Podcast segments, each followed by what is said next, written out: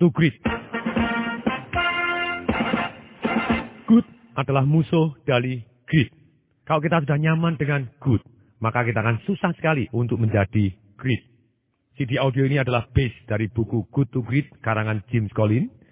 Buku ini adalah mendapatkan gelar sebagai buku yang terbaik di dunia versi Asosiasi Manajemen Amerika yang saya bawakan secara bebas.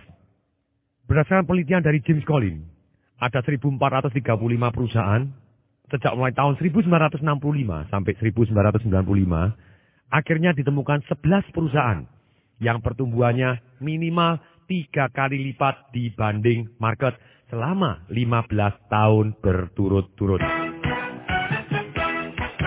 11 perusahaan ini adalah Abbott, Circuit City, Fannie Mae, Gillette, Kimberly Clark, Kroger, Nucor, Philip Morris, Pitney Bowes, Walgreens, dan Wells Fargo. Perusahaan yang sangat mengesankan ini sebagai perbandingan dengan perusahaan yang lain, apabila kita invest di perusahaan yang sebelah ini, satu US dollar di tahun 1965, maka nilai saham satu dolar ini akan menjadi 471 US dollar di tahun 2000. Atau mengalami kenaikan 471 kali lipat, sedangkan rata-rata market hanya naik 56 kali lipat. Misal, apabila kita invest di salah satu perusahaan tadi, yaitu Walgreen. Perusahaan ini berhasil mengalahkan Intel dua kali lipat. Bisa mengalahkan hasil apabila kita invest di General Electric lima kali lipat. Bisa mengalahkan apabila kita invest di Coca-Cola delapan kali lipat. Dan mengalahkan market secara umum 15 kali lipat. Setelah dilakukan penelitian, lebih dari 15.000 jam kerja untuk menyelesaikan proyek ini, akhirnya Jim Collins menyimpulkan ada beberapa hal yang menjawab kenapa perusahaan-perusahaan ini tumbuh begitu dahsyatnya, sedangkan perusahaan yang lain hanya biasa-biasa saja. Beberapa hal ini disimpulkan yaitu adanya satu, leadership level 5. Apa yang dimaksud leadership level 5? Nanti akan kami jelaskan. Yang kedua adalah pentingnya orang terlebih dahulu baru menentukan apa yang harus dikerjakan. Yang ketiga, perusahaan-perusahaan yang sangat-sangat dahsyat ini selalu konfront menghadapi kenyataan, walaupun kenyataan tadi brutal, tanpa kehilangan iman bahwa dia akan besok menjadi apa. Yang keempat, perusahaan-perusahaan yang sangat dahsyat ini mereka mempunyai konsep landak. Konsep yang sangat-sangat sederhana dalam tiga lingkaran. Maksudnya apa? Nanti akan kami jelaskan. Kemudian yang kelima, adanya kebiasaan atau budaya disiplin.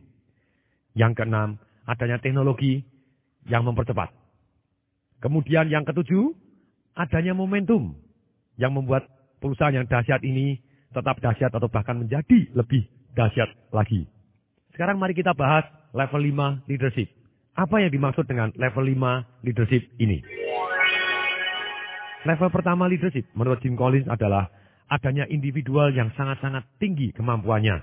Dia sangat-sangat produktif, Sebenarnya karena bakatnya dia, pengetahuan, keterampilan, dan kebiasaan kerja yang bagus, dia mempunyai hasil yang sangat-sangat bagus. Tapi hanya individual. Level yang kedua adalah contributing team member. Yaitu di mana individual-individual tadi mempunyai kesempatan untuk bekerja sama di dalam satu grup yang objektif yang sama dan kerja efektif. Sehingga, sehingga dalam satu hal akhirnya mereka mencapai goalnya. Level tiga adalah kompeten manager. Ini adalah sekumpulan orang yang diorganisasi dengan sangat-sangat baik dan mereka efektif dan efisien menuju ke arah goalnya mereka. Goal yang sudah ditentukan dengan adanya kompeten manager, goalnya dicapai dengan efektif dan efisien. Sedangkan level 4 tentang leader, yaitu adalah adanya efektif leader.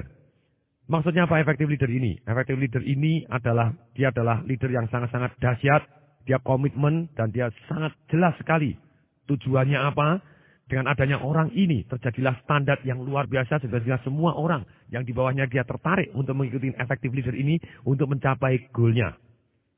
Yang dimaksud dengan level 5 leader itu adalah leadernya di sini adalah membangun kejayaan, membangun kedahsyatan dengan kombinasi antara kesederhanaan atau istilahnya low profile, high profit, yaitu kombinasi antara dua, personal humility atau kesederhanaan secara pribadi dan keinginan profesional yang sangat-sangat kuat.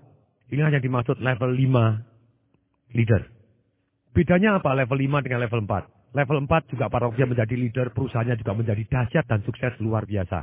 Tetapi biasanya yang level 4 leader ini ketika dia keluar, perusahaannya jadi hancur karena tergantung hanya satu orang tadi. Dengan level 5 leader atau level 5 eksekutif ini yang sangat-sangat dahsyat, dia sangat-sangat perhatian terhadap bagaimana perusahaan ini berlangsung lama sekali dengan atau tanpa dia. Jadi kuncinya di sini dari 11 perusahaan ini yang dianalisa oleh Jim Collins, ternyata ada yang menarik. Temuan-temuan yang menarik tentang pemimpin di sini, ternyata pemimpinnya mereka adalah rendah hati, dan siapa pun yang menggantikan mereka, ternyata terset satu kondisi yang membuat perusahaan tadi tetap dahsyat. Kenyataan yang menarik dari perusahaan Good to Great Company ini, perusahaan yang sangat-sangat dahsyat ini, dari 44 CEO yang pernah menduduki jabatan di tempat mereka, ternyata hanya ada dua yang datang dari luar. 42 adalah datang dari dalam. Temuan yang menarik lagi adalah ternyata tidak ada hubungan yang sistematis antara executive compensation dengan proses bagaimana perusahaan tadi menjadi good, menjadi great. Betul sekali, presiden director atau CEO dari perusahaan tadi pasti mereka kerja untuk mendapatkan uang juga. Dan ternyata bukan hanya hal itu saja, karena tidak ada hubungan yang signifikan tentang jumlah gajinya atau jumlah kompensasinya dengan prestasinya. Ini menarik untuk dilanjutkan pada titik kedua atau hal kedua yang membuat perusahaan tadi jadi good to great. Dijelaskan oleh Jim Collins, yang paling penting, banyak sekali orang mempunyai persepsi yang salah, yaitu mengatakan bahwa manusia adalah aset dari perusahaan. Dikatakan Jim Collins itu salah. Yang benar adalah orang yang tepat atau manusia yang tepatlah adalah aset dari perusahaan. Di good to great, perusahaan-perusahaan yang sangat-sangat dahsyat, mereka bukan mulai dari visinya ke mana terlebih dahulu, Ternyata mereka mulai dari menemukan orang yang tepat lebih dulu. Seperti ibaratnya ketika kita mau naik bis dan mau berpergian. Daripada kita menentukan tujuan, kita mau pergi ke mana, kalau di perusahaan Good to Great ini, dia cari orang-orang yang tepat dulu, dimasukkan ke dalam bis, terserah bisnya mau dibawa ke mana oleh orang-orang yang tepat tadi. Dan sistem reward and punishment-nya itu bukan dibuat untuk membuat bagaimana orang yang salah akhirnya mereka bisa jadi benar.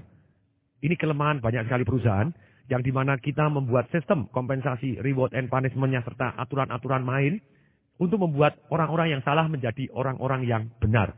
Orang-orang yang tidak produktif menjadi produktif. Dikatakan oleh Jim Collins, apabila perusahaan kita masih membutuhkan sistem-sistem untuk mendisiplinkan orang, berarti perusahaan tadi bukan perusahaan yang besar karena mereka punya banyak orang yang salah di dalam bisnya.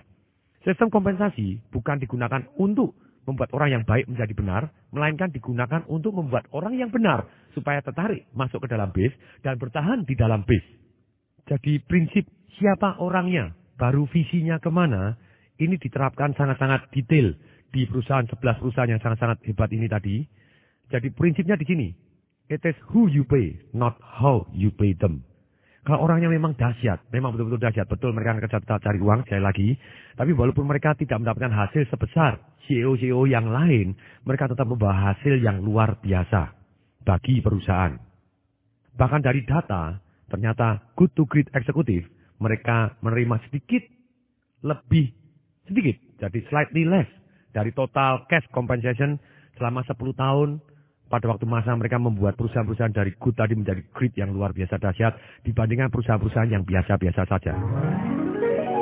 Ditegaskan di sini, bukan berarti bahwa executive compensation itu tidak ada hubungannya dengan orang yang sukses atau perusahaan yang sukses. Tapi di sini ditegaskan bahwa pentingnya orang yang tepat. Kalau kita mendapatkan orang yang tepat, walaupun tadi executive compensation plan-nya itu ternyata sedikit atau slightly less dibanding yang lain pun karena orang-orang yang dahsyat, mereka akan tetap menghasilkan hal-hal yang dahsyat. Prinsip yang sering saya katakan yaitu prinsip 135. Satu orang karyawan mempunyai penghasilan tiga kali lipat dibanding karyawan yang lain karena dia mempunyai produktivitas lima kali lipat dibanding karyawan yang lain. Seperti prinsip yang dipakai oleh Nukor eksekutif di mana perusahaan tadi tumbuh begitu dahsyatnya, dia mengatakan, we hire five, kita merekrut lima. Work them like ten, mengerjakan mereka seperti 10 orang. Pay them like 8. Jadi rekrut 5, 5 ini kerjanya seperti 10 dan penghasilannya mereka seperti 8 orang. Untuk memenuhi prinsip yang kedua ini, yaitu first who, baru what. Siapa orang-orang yang terbaik yang bisa kita rekrut dan kita tempatkan, baru kita tentukan what. Visionnya mau ke mana, bisnya mau pergi ke mana. Ada tiga hal yang kita bisa lakukan di sini. Bagaimana kita bisa disiplin merekrut. Kunci nomor satu tadi adalah ketika kita ragu-ragu, jangan direkrut. Tetaplah mencari. Selalu cari orang-orang yang terbaik yang kita bisa dapatkan. Praktek disiplin yang kedua, ketika Anda tahu bahwa Anda harus membuat perubahan dalam hal manusianya, take action. Jadi perusahaan-perusahaan yang good to great tadi, mereka mempunyai sistem di mana akan membuat orang-orang yang tepat akan berada di dalam perusahaan dalam waktu yang sangat lama, atau orang-orang yang tidak tepat akan segera turun dari bisnya. Ketika kita dapatkan orang-orang yang tepat, kita akan melakukan apa pun sehingga orang-orang yang tepat itu berada di dalam perusahaan dalam waktu yang sangat lama. Tapi ketika kita membuat kesalahan dalam merekrut, maka kita harus menghadapi kenyataan. Maka secepat mungkin mereka harus keluar dari perusahaan. Dua pertanyaan yang akan membantu kita di dalam mengambil keputusan untuk merekrut seseorang atau tidak. Ketika orang tadi sudah berada di dalam perusahaan kita, kita akan tanya kepada diri kita dua pertanyaan ini. Kalau misalnya saya boleh ngulangi, kira-kira orang ini saya rekrut atau tidak? Kalau jawabannya tidak, berarti dia harus dikeluarkan. Pertanyaan yang kedua, kalau misalnya orang ini datang menghadap ke saya, orang yang sudah terlanjur direkrut ini, dan dia mengatakan, ah Pak, mohon maaf Pak, saya harus meninggalkan perusahaan ini karena ada tantangan baru yang lebih menantang di luar perusahaan ini. Gimana perasaan kita? Kita merasa kecewa atau akhirnya kita secara rahasia kita merasa lega? Kalau sebetulnya kita jawabannya adalah kita merasa lega, berarti sebetulnya orang ini harus turun atau keluar dari perusahaan kita. Praktek disiplin ketiga untuk mewujudkan prinsip yang kedua. Pilih orang yang tepat, baru melakukan hal yang tepat. Prinsip ketiga ini adalah selalu letakkan orang-orang yang terbaik di dalam peluang-peluang yang terbesar. Bukan di masalah yang terbesar. Kecenderungan perusahaan, biasanya perusahaan meletakkan orang-orangnya yang terbaik untuk menyelesaikan masalah-masalah mereka yang besar. Mestinya yang benar adalah masukkan orang-orang yang tepat ini atau orang-orang yang paling dahsyat ini ke dalam peluang-peluang yang paling besar yang ada di dalam perusahaan tadi. Seringkali saya berikan contoh di dalam seminar saya. Ketika ada perusahaan, misalnya toko buku, ada buku 100. Dan kemudian perusahaan ini atau toko buku ini mau omsetnya naik dua kali lipat. Saya tahu bahwa kalau dia mau naik omsetnya dua kali lipat, dia harus menjual 100 buku ini dengan baik. Tapi percaya atau tidak, kok mereka fokus hanya 4-5 buku yang best seller, penjualannya bisa naik 50-60% terlebih dahulu. Nah celakanya, apa yang jadi? Kebanyakan penerbit ataupun toko buku, ketika bukunya yang laku malah disembunyikan, buku yang tidak laku dia display malah dipromosikan. Mestinya buku yang laku dia promosikan. Karena pertanyaannya begini, mudah mana menghasilkan uang? Buku yang sudah laris atau buku yang tidak laris dipaksa-paksa untuk menjadi laris? Prinsip ini sama persis di dalam mengalokasikan orang. Apabila kita mempunyai orang-orang yang terbaik, kasih dia kesempatan, kasih dia peluang-peluang yang lebih besar. Bukannya kita kirim untuk terus menyelesaikan masalah-masalah yang ada, tapi kita fokus untuk bagaimana drive dia maju ke tempat-tempat yang terbaik yang bisa dia lakukan. Dari prinsip yang kedua yang menarik ini, bagaimana kita mendapatkan orang-orang yang tepat baru ditaruh di satu perusahaan dan terserah perusahaan mau dibawa ke mana ini. Dikatakan di sana bahwa ketika kita berpikir harus mulai memanage dengan ketat atau mengontrol dengan sangat-sangat ketat, berarti kita mengalami kesalahan di dalam merekrut orang. Orang-orang yang terbaik mereka sebetulnya tidak perlu diatur. Dibimbing, yes. Diinspirasikan, yes. Tapi diatur secara ketat, itu adalah kesalahan. Kalau kita mempunyai orang yang salah di dalam perusahaan dan kita tahu, dan kemudian kita menunda, menunda, menunda, memberikan alternatif-alternatif alternatif yang lain, memberikan kesempatan-kesempatan kedua, ketiga, dan keempat, kita mengharap bahwa dengan adanya sistem dan atau kemudian aturan yang ketat, bahwa orang tadi akan meningkat, kita meluangkan waktu untuk membenahi orang tersebut, dan ternyata situasi tidak berkembang, kemudian kita pulang rumah dan kita menemukan bahwa energi kita habis karena mikirin orang yang salah ini, ini sungguh sangat menyedihkan. Jadi prinsip orang yang tepat ini sangat-sangat penting untuk membuat perusahaan kita dari good, dari biasa, atau dari baik menjadi dahsyat luar biasa. Dan di dalam prinsip ini juga, orang-orang yang dahsyat ini, mereka mempunyai kebiasaan yang baik. Mereka mau berargu, mereka mau berdebat. Dan kadang mereka berdebat dengan sangat-sangat kencang untuk mewujudkan yang terbaik untuk perusahaan. Tapi poin berikutnya, Setelah mereka berdebat, walaupun mereka berdebatnya dengan emosi, dengan segalanya dia taruh di pada waktu mereka berdebat, ketika tercapai satu keputusan dan selalu akan bisa tercapai keputusan kalau orang-orang tadi orang-orang yang benar-benar dahsyat, mereka berdebat bukan untuk memenangkan egonya, mereka berdebat adalah demi perusahaan, mereka memikirkan yang terbaik untuk perusahaan, bukan untuk dirinya sendiri. Jadi setelah mereka ambil keputusan, ini yang menarik. Orang-orang yang tadi berdebat-berdebat tadi, mereka semuanya bersatu untuk menjalankan keputusan tadi, walaupun secara interest atau secara daya tarik mereka tidak tertarik atau sebelumnya tidak setuju terhadap putusan tadi, tapi karena sudah diputuskan bersama, mereka bersatu dengan sepenuh hati, mereka menjalankan keputusannya. Sekarang kita menginjak prinsip yang ketiga. Prinsip yang pertama, perusahaan yang dahsyat tadi memiliki leadership level 5, yaitu personality yang sangat-sangat sederhana tapi high profit dan tetap mempunyai profesional will dan kemauan secara profesional yang begitu tingginya. Kemudian yang kedua adalah Selalu orang yang tepat, baru arah yang tepat. Kemudian yang ketiga, bahwa kita harus selalu menatap kenyataan. Walaupun kenyataan tadi begitu brutalnya, tanpa kehilangan keyakinan bahwa kita akan mencapai yang terbaik dalam hidup ini. Pentingnya menatap kenyataan ini, itu diceritakan dari satu kisah seorang jenderal yang bernama Jim Stockdale. Dia adalah jenderal bintang tiga atau orang dengan pangkat tertinggi yang pernah nginap di Hanoi Hilton. Maksudnya apa Hanoi Hilton? Itu pada waktu perang Vietnam, Jim Stockdale ditangkap. Dia disiksa lebih dari 20 kali selama 8 tahun pada waktu dia di penjara di tahun 1965 sampai 1973. Dan ketika Jim Stockdale ini bebas dan merdeka, dia ditanya oleh wartawan, apa yang membuat Anda bisa lolos dari seluruh penyiksaannya dan akhirnya Anda bisa tetap hidup dan sampai hari ini masih hidup dan semangat. Jawabannya adalah saya tidak pernah kehilangan keyakinan bahwa akhir dari cerita ini saya pasti bebas. Saya tidak pernah meragukan bahwa saya pasti akhirnya bebas. Dan pasti akan membuat seluruh pengalaman yang saya alami pada waktu itu akan menjadi pengalaman yang tidak tertukarkan oleh hal apa pun. Dan saya akan anggap pengalaman ini yang akan menjadi fondasi saya untuk menjadi lebih baik dan lebih baik di masa depan. Jadi ketika Jim Stockdale ini mengalami penderitaan, dia tidak pernah kehilangan iman bahwa dia akan menjadi lebih baik, lebih baik karena hal ini. Dan dia yakin pasti akan lolos, pasti akan lolos, dan pasti akan lolos. Dia yakin. Tapi ini bedanya. Ketika Jim Stockdale ditanya, lalu kalau teman-teman Anda yang banyak yang mati pada waktu itu, itu kalau boleh tahu orang-orang yang tipe seperti apa kok mereka tidak lolos dan akhirnya meninggal dunia sebelum mereka dibebaskan. Jawabannya langsung sederhana dan sangat mengejutkan wartawannya saat itu. Dia jawab begini, orang yang mati duluan adalah orang yang optimis. What? Wartawannya kaget. Ini dikatakan, bahwa mereka sering kali optimis. Saya pasti bisa pada waktu pada waktu nanti Natalan saya pasti diloloskan, saya pasti akan dilepas. Ternyata tidak, mereka kecewa. Oh nanti waktu tahun baru saya pasti dibebaskan. Oh ternyata tidak. Oh saya dengar ini kelihatannya satu bulan lagi kita dibebaskan. Ternyata tidak. Mereka mati bukan karena digebukin, mereka mati karena mereka kecewa dan mereka membunuh dirinya sendiri secara pikiran dan akhirnya mereka tidak tahan dan mati sungguhan. Ini bedanya seorang top leader yang membawa dia sukses menjadi hidup dan jadi sukses. Bedanya apa sih antara optimis dengan positif? Positif adalah yakin bahwa pasti berhasil. Sedangkan positif itu adalah orang-orang yang menghadapi kenyataan yang paling pahit pun dan dia memberi arti terhadap kejadian tadi sehingga bisa membawa manfaat di kemudian hari.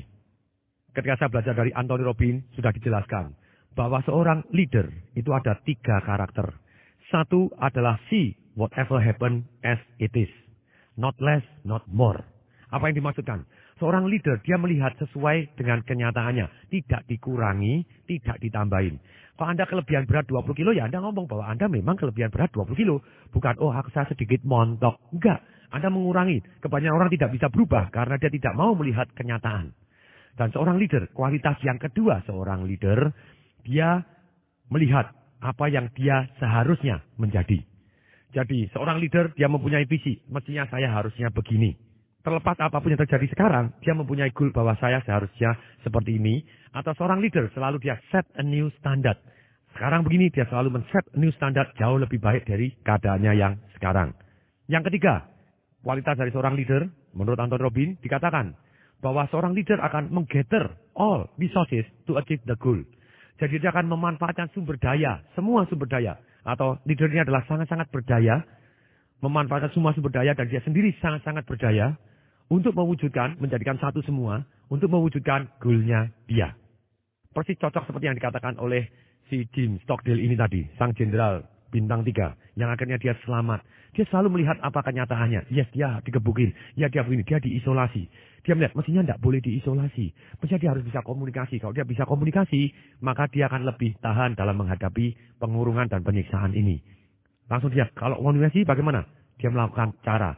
Dari huruf A sampai Z, dia melakukan dengan batu diketok. Kalau tek, spasi, tek-tek, berarti itu huruf A.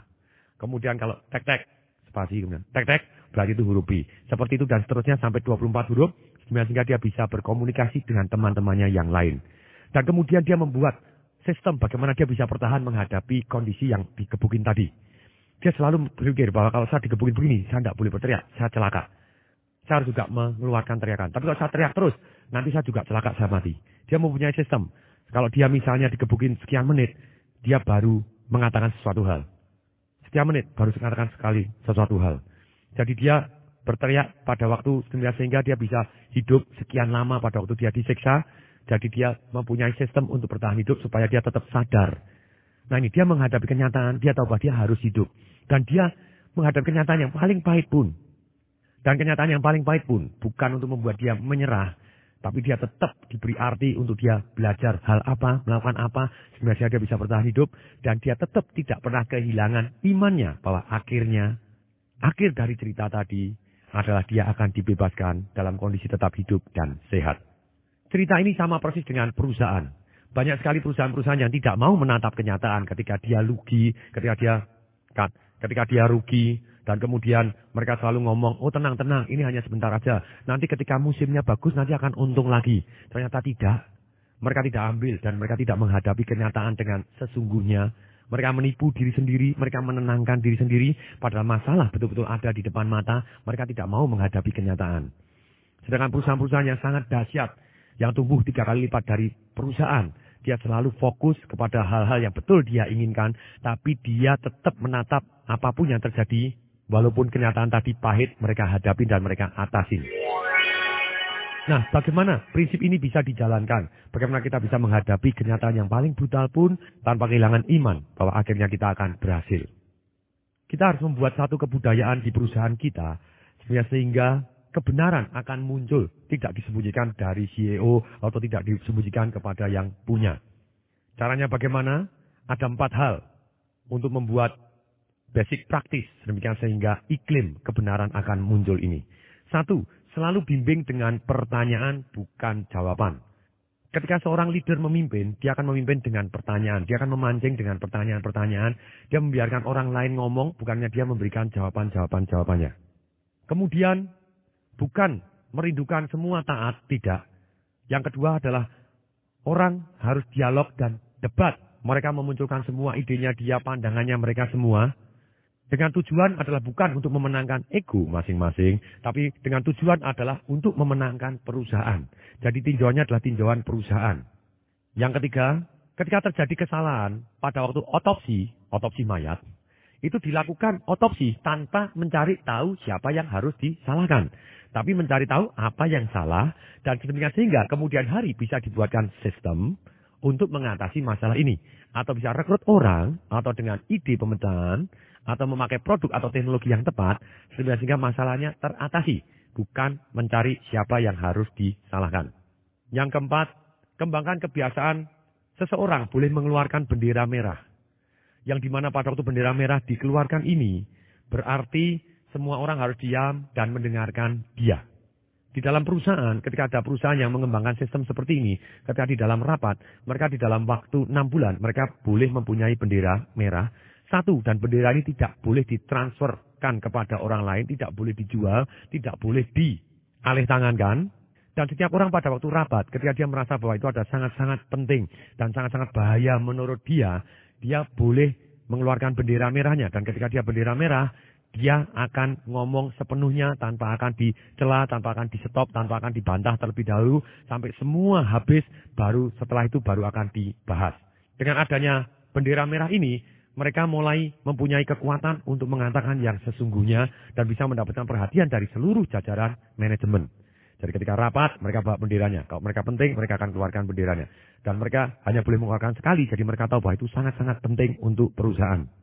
Perusahaan yang dahsyat juga mengalami banyak tantangan. Sama persis dengan semua perusahaan yang lain. Hanya mereka memberikan respon terhadap tantangan ini dengan cara berbeda. Mereka tidak mengabaikan tantangannya, mereka bahkan tumbuh semakin kuat melalui tantangan tantangan yang ada. Dikatakan oleh Jim Collins dalam bukunya Good to Great, bahwa mengeluarkan waktu atau mengalokasikan waktu dan energi untuk memotivasi orang itu sebetulnya adalah usaha yang mubasir atau sia-sia. Pertanyaan yang sesungguhnya bukan bagaimana kita bisa memotivasi orang-orang kita. Karena apa? Kalau kita sudah mendapatkan orang-orang yang tepat, mereka akan termotivasi dengan sendirinya. Kuncinya adalah supaya kita tidak medemotivasi mereka. Cara yang paling bagus untuk mengurangi motivasi orang yaitu adalah dengan cara mengabaikan kenyataan yang brutal atau fakta-fakta yang pahit kita abaikan itu adalah satu-satunya cara yang untuk memotivasi orang dengan sangat-sangat cepat. Kepemimpinan bukan dimulai dengan hanya sekedar vision, tapi kepemimpinan juga dimulai pada waktu orang melihat kenyataan, apa pun sepahit apa pun kenyataannya dan implikasinya seperti apa, baru visionnya dan baru usahanya mencapai ke arah vision tadi dengan adanya orang-orang yang tepat. Hal keempat atau prinsip keempat bagaimana perusahaan-perusahaan yang biasa bisa menjadi dahsyat luar biasa yaitu ada satu yang dikatakan prinsip landak menyederhanakan dengan tiga lingkaran. Apa yang dimaksud dalam prinsip keempat ini atau yang namanya prinsip landak ini? Ada cerita tentang dua hewan. Yang satu adalah rubah, yang satu landak. Rubah begitu cepat larinya. Giginya tajam sekali, besar-besar. Dan dia gesit. Dia sangat-sangat kuat. Banyak akal. Cerdik sekali, luar biasa. Yang satu landak, dia sederhana, dia jalannya lambat, seolah tanpa pertahanan, dia cari makannya juga sederhana dan kesannya sedikit bodoh. Ketika rubah tadi mau memakan landak, dia mulai menjebak. Dia jalan di sana, dia mengendap-endap, dia dengan segala jurusnya, kecerdikannya, dia dengan akalnya dan segala kegesitannya, dia dia langsung menyergap landaknya. Zah! Dan apa yang terjadi? Landak tadi langsung menggulung badannya dan langsung durinya keluar semua. Jet! Ternyata rubahnya tidak berhasil. Rubah ini terus dengan segala kecerdikannya, dengan segala akalnya. Dia melakukan banyak hal sekali. Sedangkan landak tadi hanya melakukan satu hal saja. Setiap ada serangan, dia menggulung dirinya dan durinya dibuka. Hanya sederhana sekali. Nah dibahas di sini ternyata perusahaan-perusahaan yang dahsyat yang membuat keuntungan tiga kali lipat lebih dari market tadi, minimal dalam 15 tahun berturut-turut, ternyata dia juga simple. Simple. Simple mereka berpusat kepada tiga hal. Setelah diteliti, ternyata perusahaan-perusahaan yang terus-menerus tumbuh dan begitu hebatnya mengalahkan perusahaan-perusahaan yang lain, ternyata mereka pada tiga lingkaran. Ternyata mereka fokus kepada tiga lingkaran. Satu, fokus kepada apa yang kita bisa menjadi yang terbaik di dunia. Yang kedua, fokus kepada apa yang kita selalu semangat. Yang ketiga adalah kita selalu fokus apa yang menghasilkan atau yang mempunyai economic scale atau economic value-nya atau bisa menghasilkan uang yang banyak. Mereka sederhana, mereka melakukan apa pun, mereka fokus kepada tiga hal, yaitu sekali lagi diulangi, satu adalah apa yang dia bisa menjadi yang terbaik di dunia, yang kedua apa yang dia selalu semangat, yang ketiga adalah apa yang dia bisa menghasilkan. Dia fokus kepada tiga hal ini dan akhirnya perusahaan-perusahaan tadi bahkan bisa mengalahkan Coca-Cola, mengalahkan Intel, General Electric dan segala macam tadi. Misalnya kalau kita melakukan sesuatu hal yang terbaik, yang kita bisa menjadi yang terbaik di dunia, dan kita sangat semangat di bidang tadi, tapi ternyata tidak ada skala ekonominya atau tidak bisa menghasilkan uang, untuk apa? Kemudian, kalau misalnya kita melakukan sesuatu yang kita sangat semangat dan betul bisa menghasilkan uang, tetapi kita tidak terbaik di bidang tersebut, maka kita akan menjadi perusahaan yang good saja atau so-so saja, tidak akan bakalan menjadi great.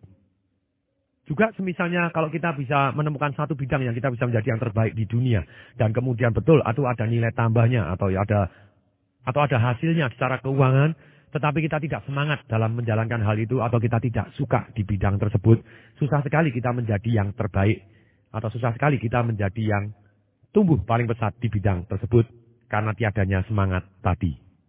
Prinsip ini berbeda dengan dikatakan bahwa semua perusahaan itu harus kembali ke core bisnisnya. Bukan masalah dari sisi core bisnisnya. Percuma kalau core business Anda ternyata tidak bisa melakukan satu achievement menjadi yang terbaik di dunia, maka Anda akan susah sekali menjadi great. Konsep landak di sini, ini bukan goal, bukan strategi atau bukan maksud. Tapi ini adalah pemahaman. Pemahaman terhadap apa, hal-hal apa yang kita bisa menjadi yang terbaik di bidang kita. Seperti yang saya katakan di buku Financial Revolution saya.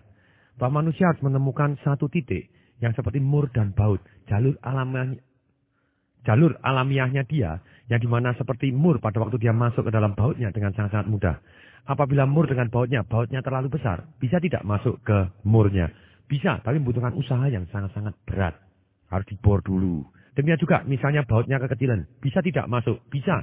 Tapi baut ini harus diikat dulu, dikasih plastik dulu, baru bisa dia. Dan itu pun tidak sebagus ketika fix. Dan ini adalah mengenai understanding, pengertian. Di bidang mana kita bisa menjadi yang terbaik di dunia.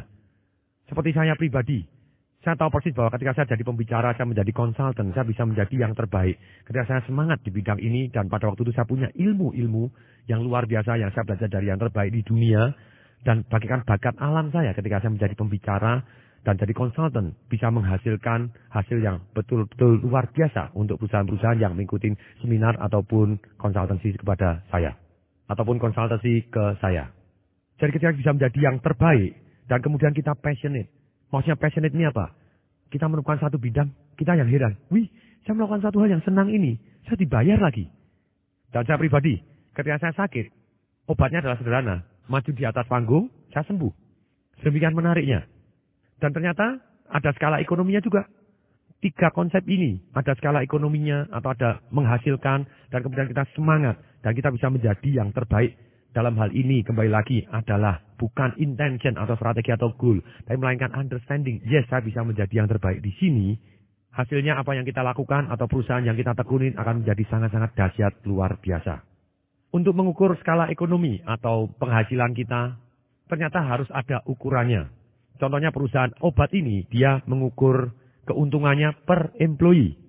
Kemudian Circuit City, dia merubah profit per toko menjadi profit per geographic region atau wilayah geografinya.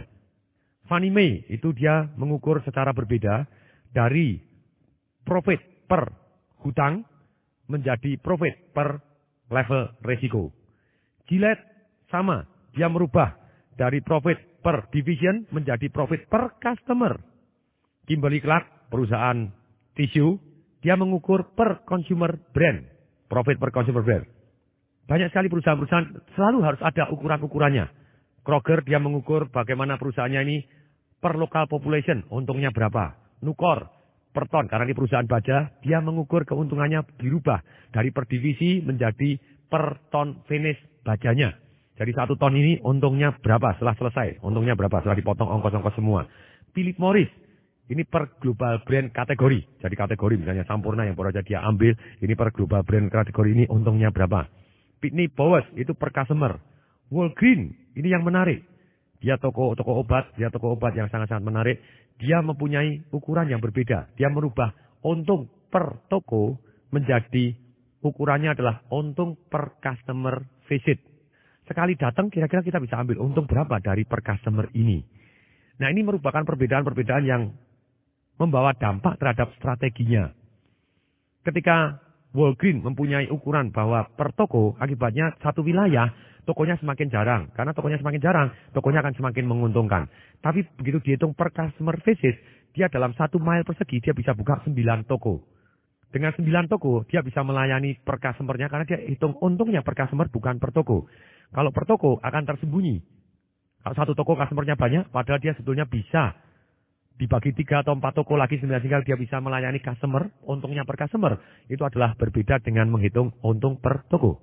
Hasilnya, Walgreen tumbuh begitu cepatnya mengalahkan perusahaan-perusahaan yang lain yang melakukan perhitungan untung per toko karena mereka tidak berani buka toko yang banyak di dalam satu wilayah tertentu.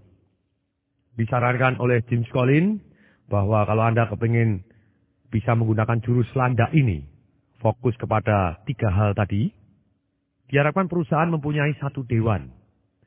Dewan yang dibentuk terdiri antara 5 sampai 12 orang yang selalu akan ketemu rutin. Seminggu sekali atau lebih sering lagi, di mana dewan ini mempunyai tujuan untuk mendapatkan pengertian isu-isu penting yang dihadapi oleh perusahaan dan ada aturan bahwa seluruh anggota dewan mereka boleh mempunyai hak untuk berdebat, untuk berargumen dalam rangka mencapai pengertian, bukan untuk memenangkan perasaan egonya, tetapi adalah untuk memenangkan perusahaannya aturan berikutnya bahwa semua dewan itu harus selalu menghormati dewan yang lain tanpa perkecualian. Dewan ini terdiri dari manajemen kunci, tapi tidak terbatas dengan hanya manajemen tim saja, tapi juga orang-orang eksekutif ataupun pemimpin, otomatis di setiap bagian otomatis menjadi membernya. Dan dewan ini bukan berbentuk badan dan ber, bukan berbentuk hanya sementara saja untuk selesai proyek selesai enggak, tapi dewan ini terus berkumpul untuk terus bagaimana membuat perusahaan menjadi maju menjadi lebih baik. Dan pastikan bahwa dewan ini juga selalu fokus kepada tiga lingkaran yang sederhana tadi, bagaimana perusahaan tadi mengerti mana yang bisa membuat dia jadi yang terbaik di dunia, kemudian yang kedua, apa yang membuat mereka semangat untuk melakukannya, yang ketiga skala ekonominya. Dari penelitian tentang tiga lingkaran yang sederhana ini, Jim Collins menemukan sesuatu hal yang mengejutkan. Bahwa ternyata tidak peduli baik atau buruk industri, perusahaan-perusahaan yang dahsyat, mereka menghasilkan keuntungan yang benar-benar superior. Dan tidak perlu satu perusahaan berada di dalam industri yang sedang sangat-sangat tumbuh, sangat dahsyat, tapi mereka tetap bisa tumbuh. Ketika mereka fokus kepada tiga lingkaran sederhana jurus landaknya. Penemuan berikutnya, rata-rata satu perusahaan memakan waktu empat tahun untuk membuat kejelasan tentang jurus landak. Apa yang bisa menjadi yang terbaik di dunia, apa yang sangat-sangat membuat kita menjadi semangat, apa yang benar-benar bisa menghasilkan dan menguntungkan. Prinsip kelima, kebudayaan disiplin. Perusahaan-perusahaan yang breakthrough, akhirnya dia meledak luar biasa. Mereka mempunyai satu, orang-orang yang disiplin. Dua, pemikiran yang disiplin. Ketiga, tindakan yang disiplin. Orang-orang yang disiplin terdiri dari dua, yaitu level lima leadership, leadership yang penuh kesederhanaan dan penuh keinginan secara profesional untuk maju. Kemudian yang kedua, selalu menempatkan orang-orang yang tepat baru menentukan apa yang harus dikerjakan. Sedangkan tentang pikiran yang disiplin, ada dua hal juga. Satu, selalu menatap kenyataan. Sepahit apa pun kenyataan tadi, sebrutal apa pun kenyataan tadi. Yang kedua, disiplin pemikiran ini adalah selalu fokus kepada tiga hal atau kepada satu jurus landak tadi yang terdiri dari tiga hal. Hal-hal apa yang bisa menjadi terbaik di dunia, hal-hal apa yang membuat kita jadi selalu semangat, hal-hal apa yang paling menguntungkan secara skala ekonomi. Sedangkan tindakan yang disiplin, di sini ditekankan bahwa perlunya kebudayaan disiplin. Ketika kita mempunyai orang-orang yang disiplin, kita tidak membutuhkan hierarki. Ketika kita memiliki pemikiran yang disiplin, kita tidak memerlukan birokrasi. Ketika kita mempunyai tindakan yang disiplin, maka kita tidak membutuhkan kontrol yang berlebihan. Dan ketika kita mengkombinasikan budaya disiplin dengan mental wirausaha, akan terjadilah keajaiban performance. Pertanyaannya adalah bagaimana kita bisa membangun kebudayaan atau kebiasaan yang penuh orang-orang yang akan ambil tindakan secara disiplin, fokus kepada tiga lingkaran secara fanatik. Mereka konsisten dengan jurus landaknya. Ada empat hal yang bisa dilakukan. Pertama, kembangkan kebudayaan di sekitar ide tentang kebebasan dan bertanggung jawab sebagai framework pekerjaan dijelaskan di sini bahwa ketika orang misalnya mau naik pesawat terbang dan kemudian sebetulnya semua pilot itu ada urut-urutannya. Mereka bebas, boleh melakukan apa pun, tapi mereka bertanggung jawab untuk mendaratkan dengan sangat-sangat selamat. Nah, tapi misalnya, misalnya dalam hal ini ketika mereka pilotnya mau mendarat atau masih di atas, kemudian pilotnya ngomong kepada para penumpangnya. Teman-teman, kami baru saja membaca buku tentang kebebasan dan kreativitas, makanya sekarang kami akan mendarat dengan cara terbalik. Kita akan mendarat dengan pantat lebih dahulu, jadi siap-siap kencangkan ikat pinggang Anda. Selamat menikmati, kita akan melakukan kreativitas yang luar biasa. Sudah pasti, Ini bukan yang diharapkan dalam satu perusahaan. Jadi kreativitas, kebebasan itu harus diiringi dengan tanggung jawab di dalam framework atau kotak kerja yang sudah disepakatin. Perusahaan yang dahsyat selalu memberikan kebebasan untuk orang bertindak dan tanggung jawabnya di dalam framework yang ingin dicapainya. Misalnya McDonald. McDonald bisa melakukan kalau di Indonesia itu ada misalnya paket nasi ada nasinya juga. Padahal di luar negeri tidak ada. Tapi di dalam lingkarannya. Jadi McDonald tidak di sini tidak berjualan audio misalnya begitu yang di luar frameworknya. Oleh karena itu perusahaan-perusahaan yang dahsyat mereka akan meng-hire atau merekrut orang-orang yang self-disiplin yang mereka tidak perlu di-manage. Sehingga mereka tinggal memanage sistemnya bukan orangnya. Setelah pertama membangun ide tentang kebebasan dan tanggung jawab di dalam satu rancangan kerja, yang kedua, kita mengisi kebudayaan tadi atau kebiasaan tadi dengan self disiplin. Orang-orang yang self disiplin yang mereka mau mengosongkan kotaknya atau bebannya atau dalam hal ini adalah mengurangi hal-hal yang mubazir yang mereka biasa lakukan. Jadi di dalam pekerja, ini yang dikatakan oleh Brian Tracy, ternyata orang-orang yang kerja di dalam perusahaan itu hanya 50% produktivitasnya. 50% waktunya adalah digunakan untuk kepentingan pribadi, untuk hal-hal yang tidak ada hubungannya dengan pekerjaan. Nah, disiplin action ini adalah fokus kepada tiga hal, yaitu melakukan satu hal yang bisa menjadi yang terbaik di dunia, dan kemudian melakukan hal-hal yang dia semangati dan membuat skala ekonominya ada. Tiga hal ini, mereka fokus ke sini. Dan mereka juga melakukan menulis hal-hal yang harus mereka stop lakukan. Dan ketika mereka menulis hal-hal yang stop dilakukan, mereka benar-benar disiplin untuk stop tidak melakukan hal-hal tersebut. Baik secara orang ataupun secara bisnis. Maksudnya apa? Orang melakukan, saya akan berhenti melakukan ini, berhenti melakukan ini, berhenti melakukan ini, supaya dia lebih produktif. Sedangkan secara perusahaan, perusahaan memilih, saya akan stop melakukan fokus di bisnis ini, saya akan fokus kepada bisnis yang pakai jurus landak yang pasti berhasil tadi. Sederhana dan berhasil. Yang ketiga, kita tidak boleh bingung antara budaya yang disiplin dengan disiplin secara tiran. Disiplin secara tiran, begitu pemimpinnya pergi, mereka tidak akan melakukan lagi. Tapi sedangkan secara budaya disiplin, secara sistem dan orang-orang yang sudah terbentuk, orang-orang yang terbaik dan sistem yang terbaik, mereka akan menjalankan dengan atau tanpa pimpinannya tadi. Ketika saya bekerja di sebuah bank, saya membenahi hasil audit dari bank tersebut. Dari hasil audit terjelek seluruh Indonesia menjadi terbaik seluruh Indonesia. Saya dengar sampai hari ini setelah sekian tahun, lebih dari 8 tahun saya meninggalkan bank tersebut, ternyata bank tersebut masih tetap disiplin menjadi yang terbaik. Karena yang saya tinggalkan di sana bukannya otoritas atau otoriter saya, tapi melainkan adalah hal-hal yang membuat mereka mempunyai kebudayaan disiplin, yaitu sistem kerja dan orang-orang yang betul-betul memang sudah disiplin. Yang keempat, budaya disiplin action ini dibentuk dengan fokus tiga lingkaran dan selalu fokus kepada tiga lingkaran yang menunjukkan bagaimana perusahaan bisa melakukan suatu hal yang menjadi terbaik di dunia dan kemudian yang kedua yang membuat dia semangat, yang ketiga adalah yang menguntungkan atau ada skala ekonominya.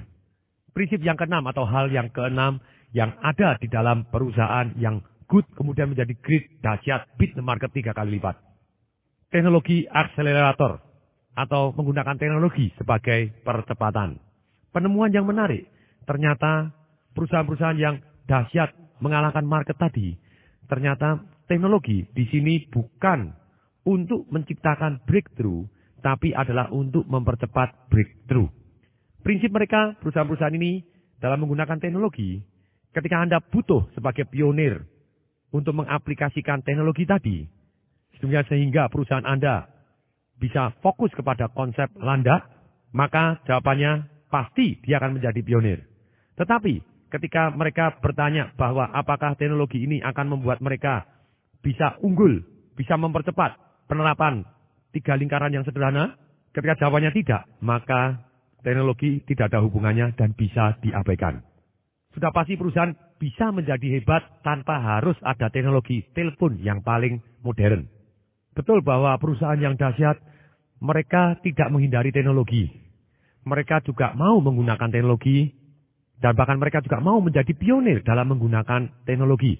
Selama teknologi tadi sudah dipilih secara careful, secara hati-hati, yang ternyata betul-betul fokus membawa hasil. Prinsip ketujuh atau hal ketujuh yang ditemukan di dalam sebelas perusahaan yang begitu dahsyat tadi adalah bagaimana mereka membangun momentum. Ternyata mereka tidak melakukan langsung breakthrough atau perubahan dengan sangat-sangat cepat. Perusahaan-perusahaan tersebut melakukan pembangunan momentum. Perusahaan-perusahaan good to great ini mereka sadar bahwa perlunya constant and never ending improvement.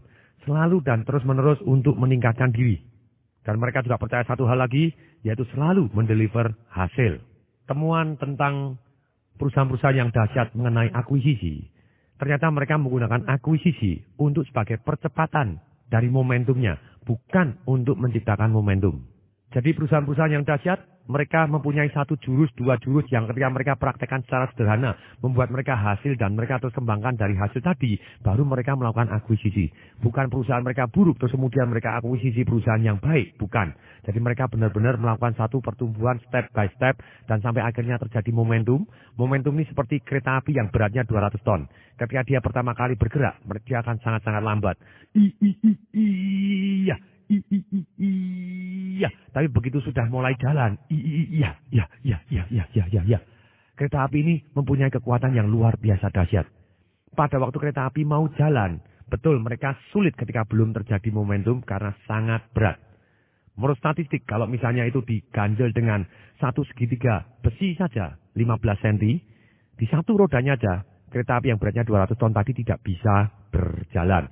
Tapi ketika sudah jalan dengan kecepatan 200 km per jam, diblok dengan baja setebal 2 meter pun, ternyata duer, bajanya pecah dan kereta apinya jalan. Inilah pentingnya momentum.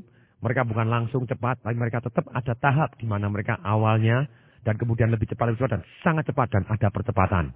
Bagaimana building momentum ini diceritakan tentang Sam Walton.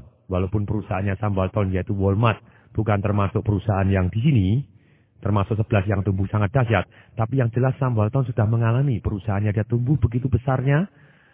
Dan Sam Walton adalah orang yang paling kaya di dunia. Kenapa tidak tercantum di list orang yang paling kaya di dunia? Kenapa Bill Gates? Karena Sam Walton sudah meninggal dunia. Dan dibagi warisannya kepada banyak orang. Dan penerima warisannya pun masih termasuk 10 orang yang paling kaya di dunia. Padahal sudah dipecah-pecah begitu banyaknya. Walmart itu mulai dengan satu toko di tahun 1945. Sambalton tidak membuka toko yang kedua sampai tujuh tahun berikutnya. Sambalton membuat Walmart step by step. Dia memutar momentumnya perlahan sampai akhirnya dia menemukan jurus landaknya yang sangat menguntungkan yaitu diskon mart besar, murah di pinggiran dan dia menggunakan merchandising driven. Jadi beli dalam jumlah yang banyak, dijual sebenarnya lebih murah dibanding orang yang lain. Bahkan yang terakhir pakai mereknya dia sendiri. Di tahun 60-an. Membutuhkan waktu 25 tahun. Untuk tumbuh dari satu toko menjadi 38 toko Walmart. Kemudian di tahun 1970 sampai tahun 2000 Walmart mencapai breakthrough momentum dan meledak menjadi lebih dari 3.000 toko dengan omset 150 miliar US dollar. Betul, 150 miliar US dollar. Persis seperti telur. Bagaimana telur bisa menjadi ayam? Dia butuh waktu untuk dierami dan pada satu waktu dia breakthrough dia menjadi ayam dan telurnya pecah dan akhirnya dia bisa menjadi ayam yang dewasa. Dikatakan oleh Sam Bolton sendiri, banyak orang selalu heran dan kagum terhadap pertumbuhan dari Walmart. Dan menganggap bahwa idenya hanya satu malam dan besok langsung sukses. Padahal sebetulnya tidak. Ini bukan sukses semalam. Melainkan sukses 20 tahun prosesnya. Walaupun di dalam hidup ini saya juga mengalami breakthrough. Dalam tiga tahun yang terakhir hidup saya berubah bumi dan langit. Banyak orang mengalami, oh itu keajaiban. Banyak orang mengalami, ngomong, oh itu keberuntungan. Sebetulnya saya juga mengalami proses yang bertahap. Sebelum saya mengalami tiga tahun ini, saya sudah baca lebih dari seribu buku. Saya sudah datang di begitu banyaknya seminar. Dan ketika momentumnya terjadi, dan akhirnya ketemu tiga jurus yang sangat-sangat sederhana yang saya bisa fokus. Satu, yaitu di mana saya bisa menjadi yang terbaik. Yang kemudian yang kedua, yang suatu hal yang ketika saya kerjakan, saya selalu semangat. Bahkan saya sering kali heran, kenapa saya mengerjakan gini malah saya dibayar, padahal saya senang-senang. Yang ketiga, adalah ada skala ekonominya dan menguntungkan secara keuangan. Ketika saya fokus kepada jenis pekerjaan yang bisa menjadi yang terbaik, yang saya senang dan bisa menguntungkan, hasilnya pertumbuhan tadi luar biasa besar. Demikian, apabila Bapak Ibu pendengar tertarik untuk mengundang saya sebagai pembicara ataupun mau beli CD-CD audio saya, silakan Anda bisa klik di www.dasyat.com. Dasyatnya adalah D A H S Y A T.com atau Anda juga bisa telepon di 021 547 6677.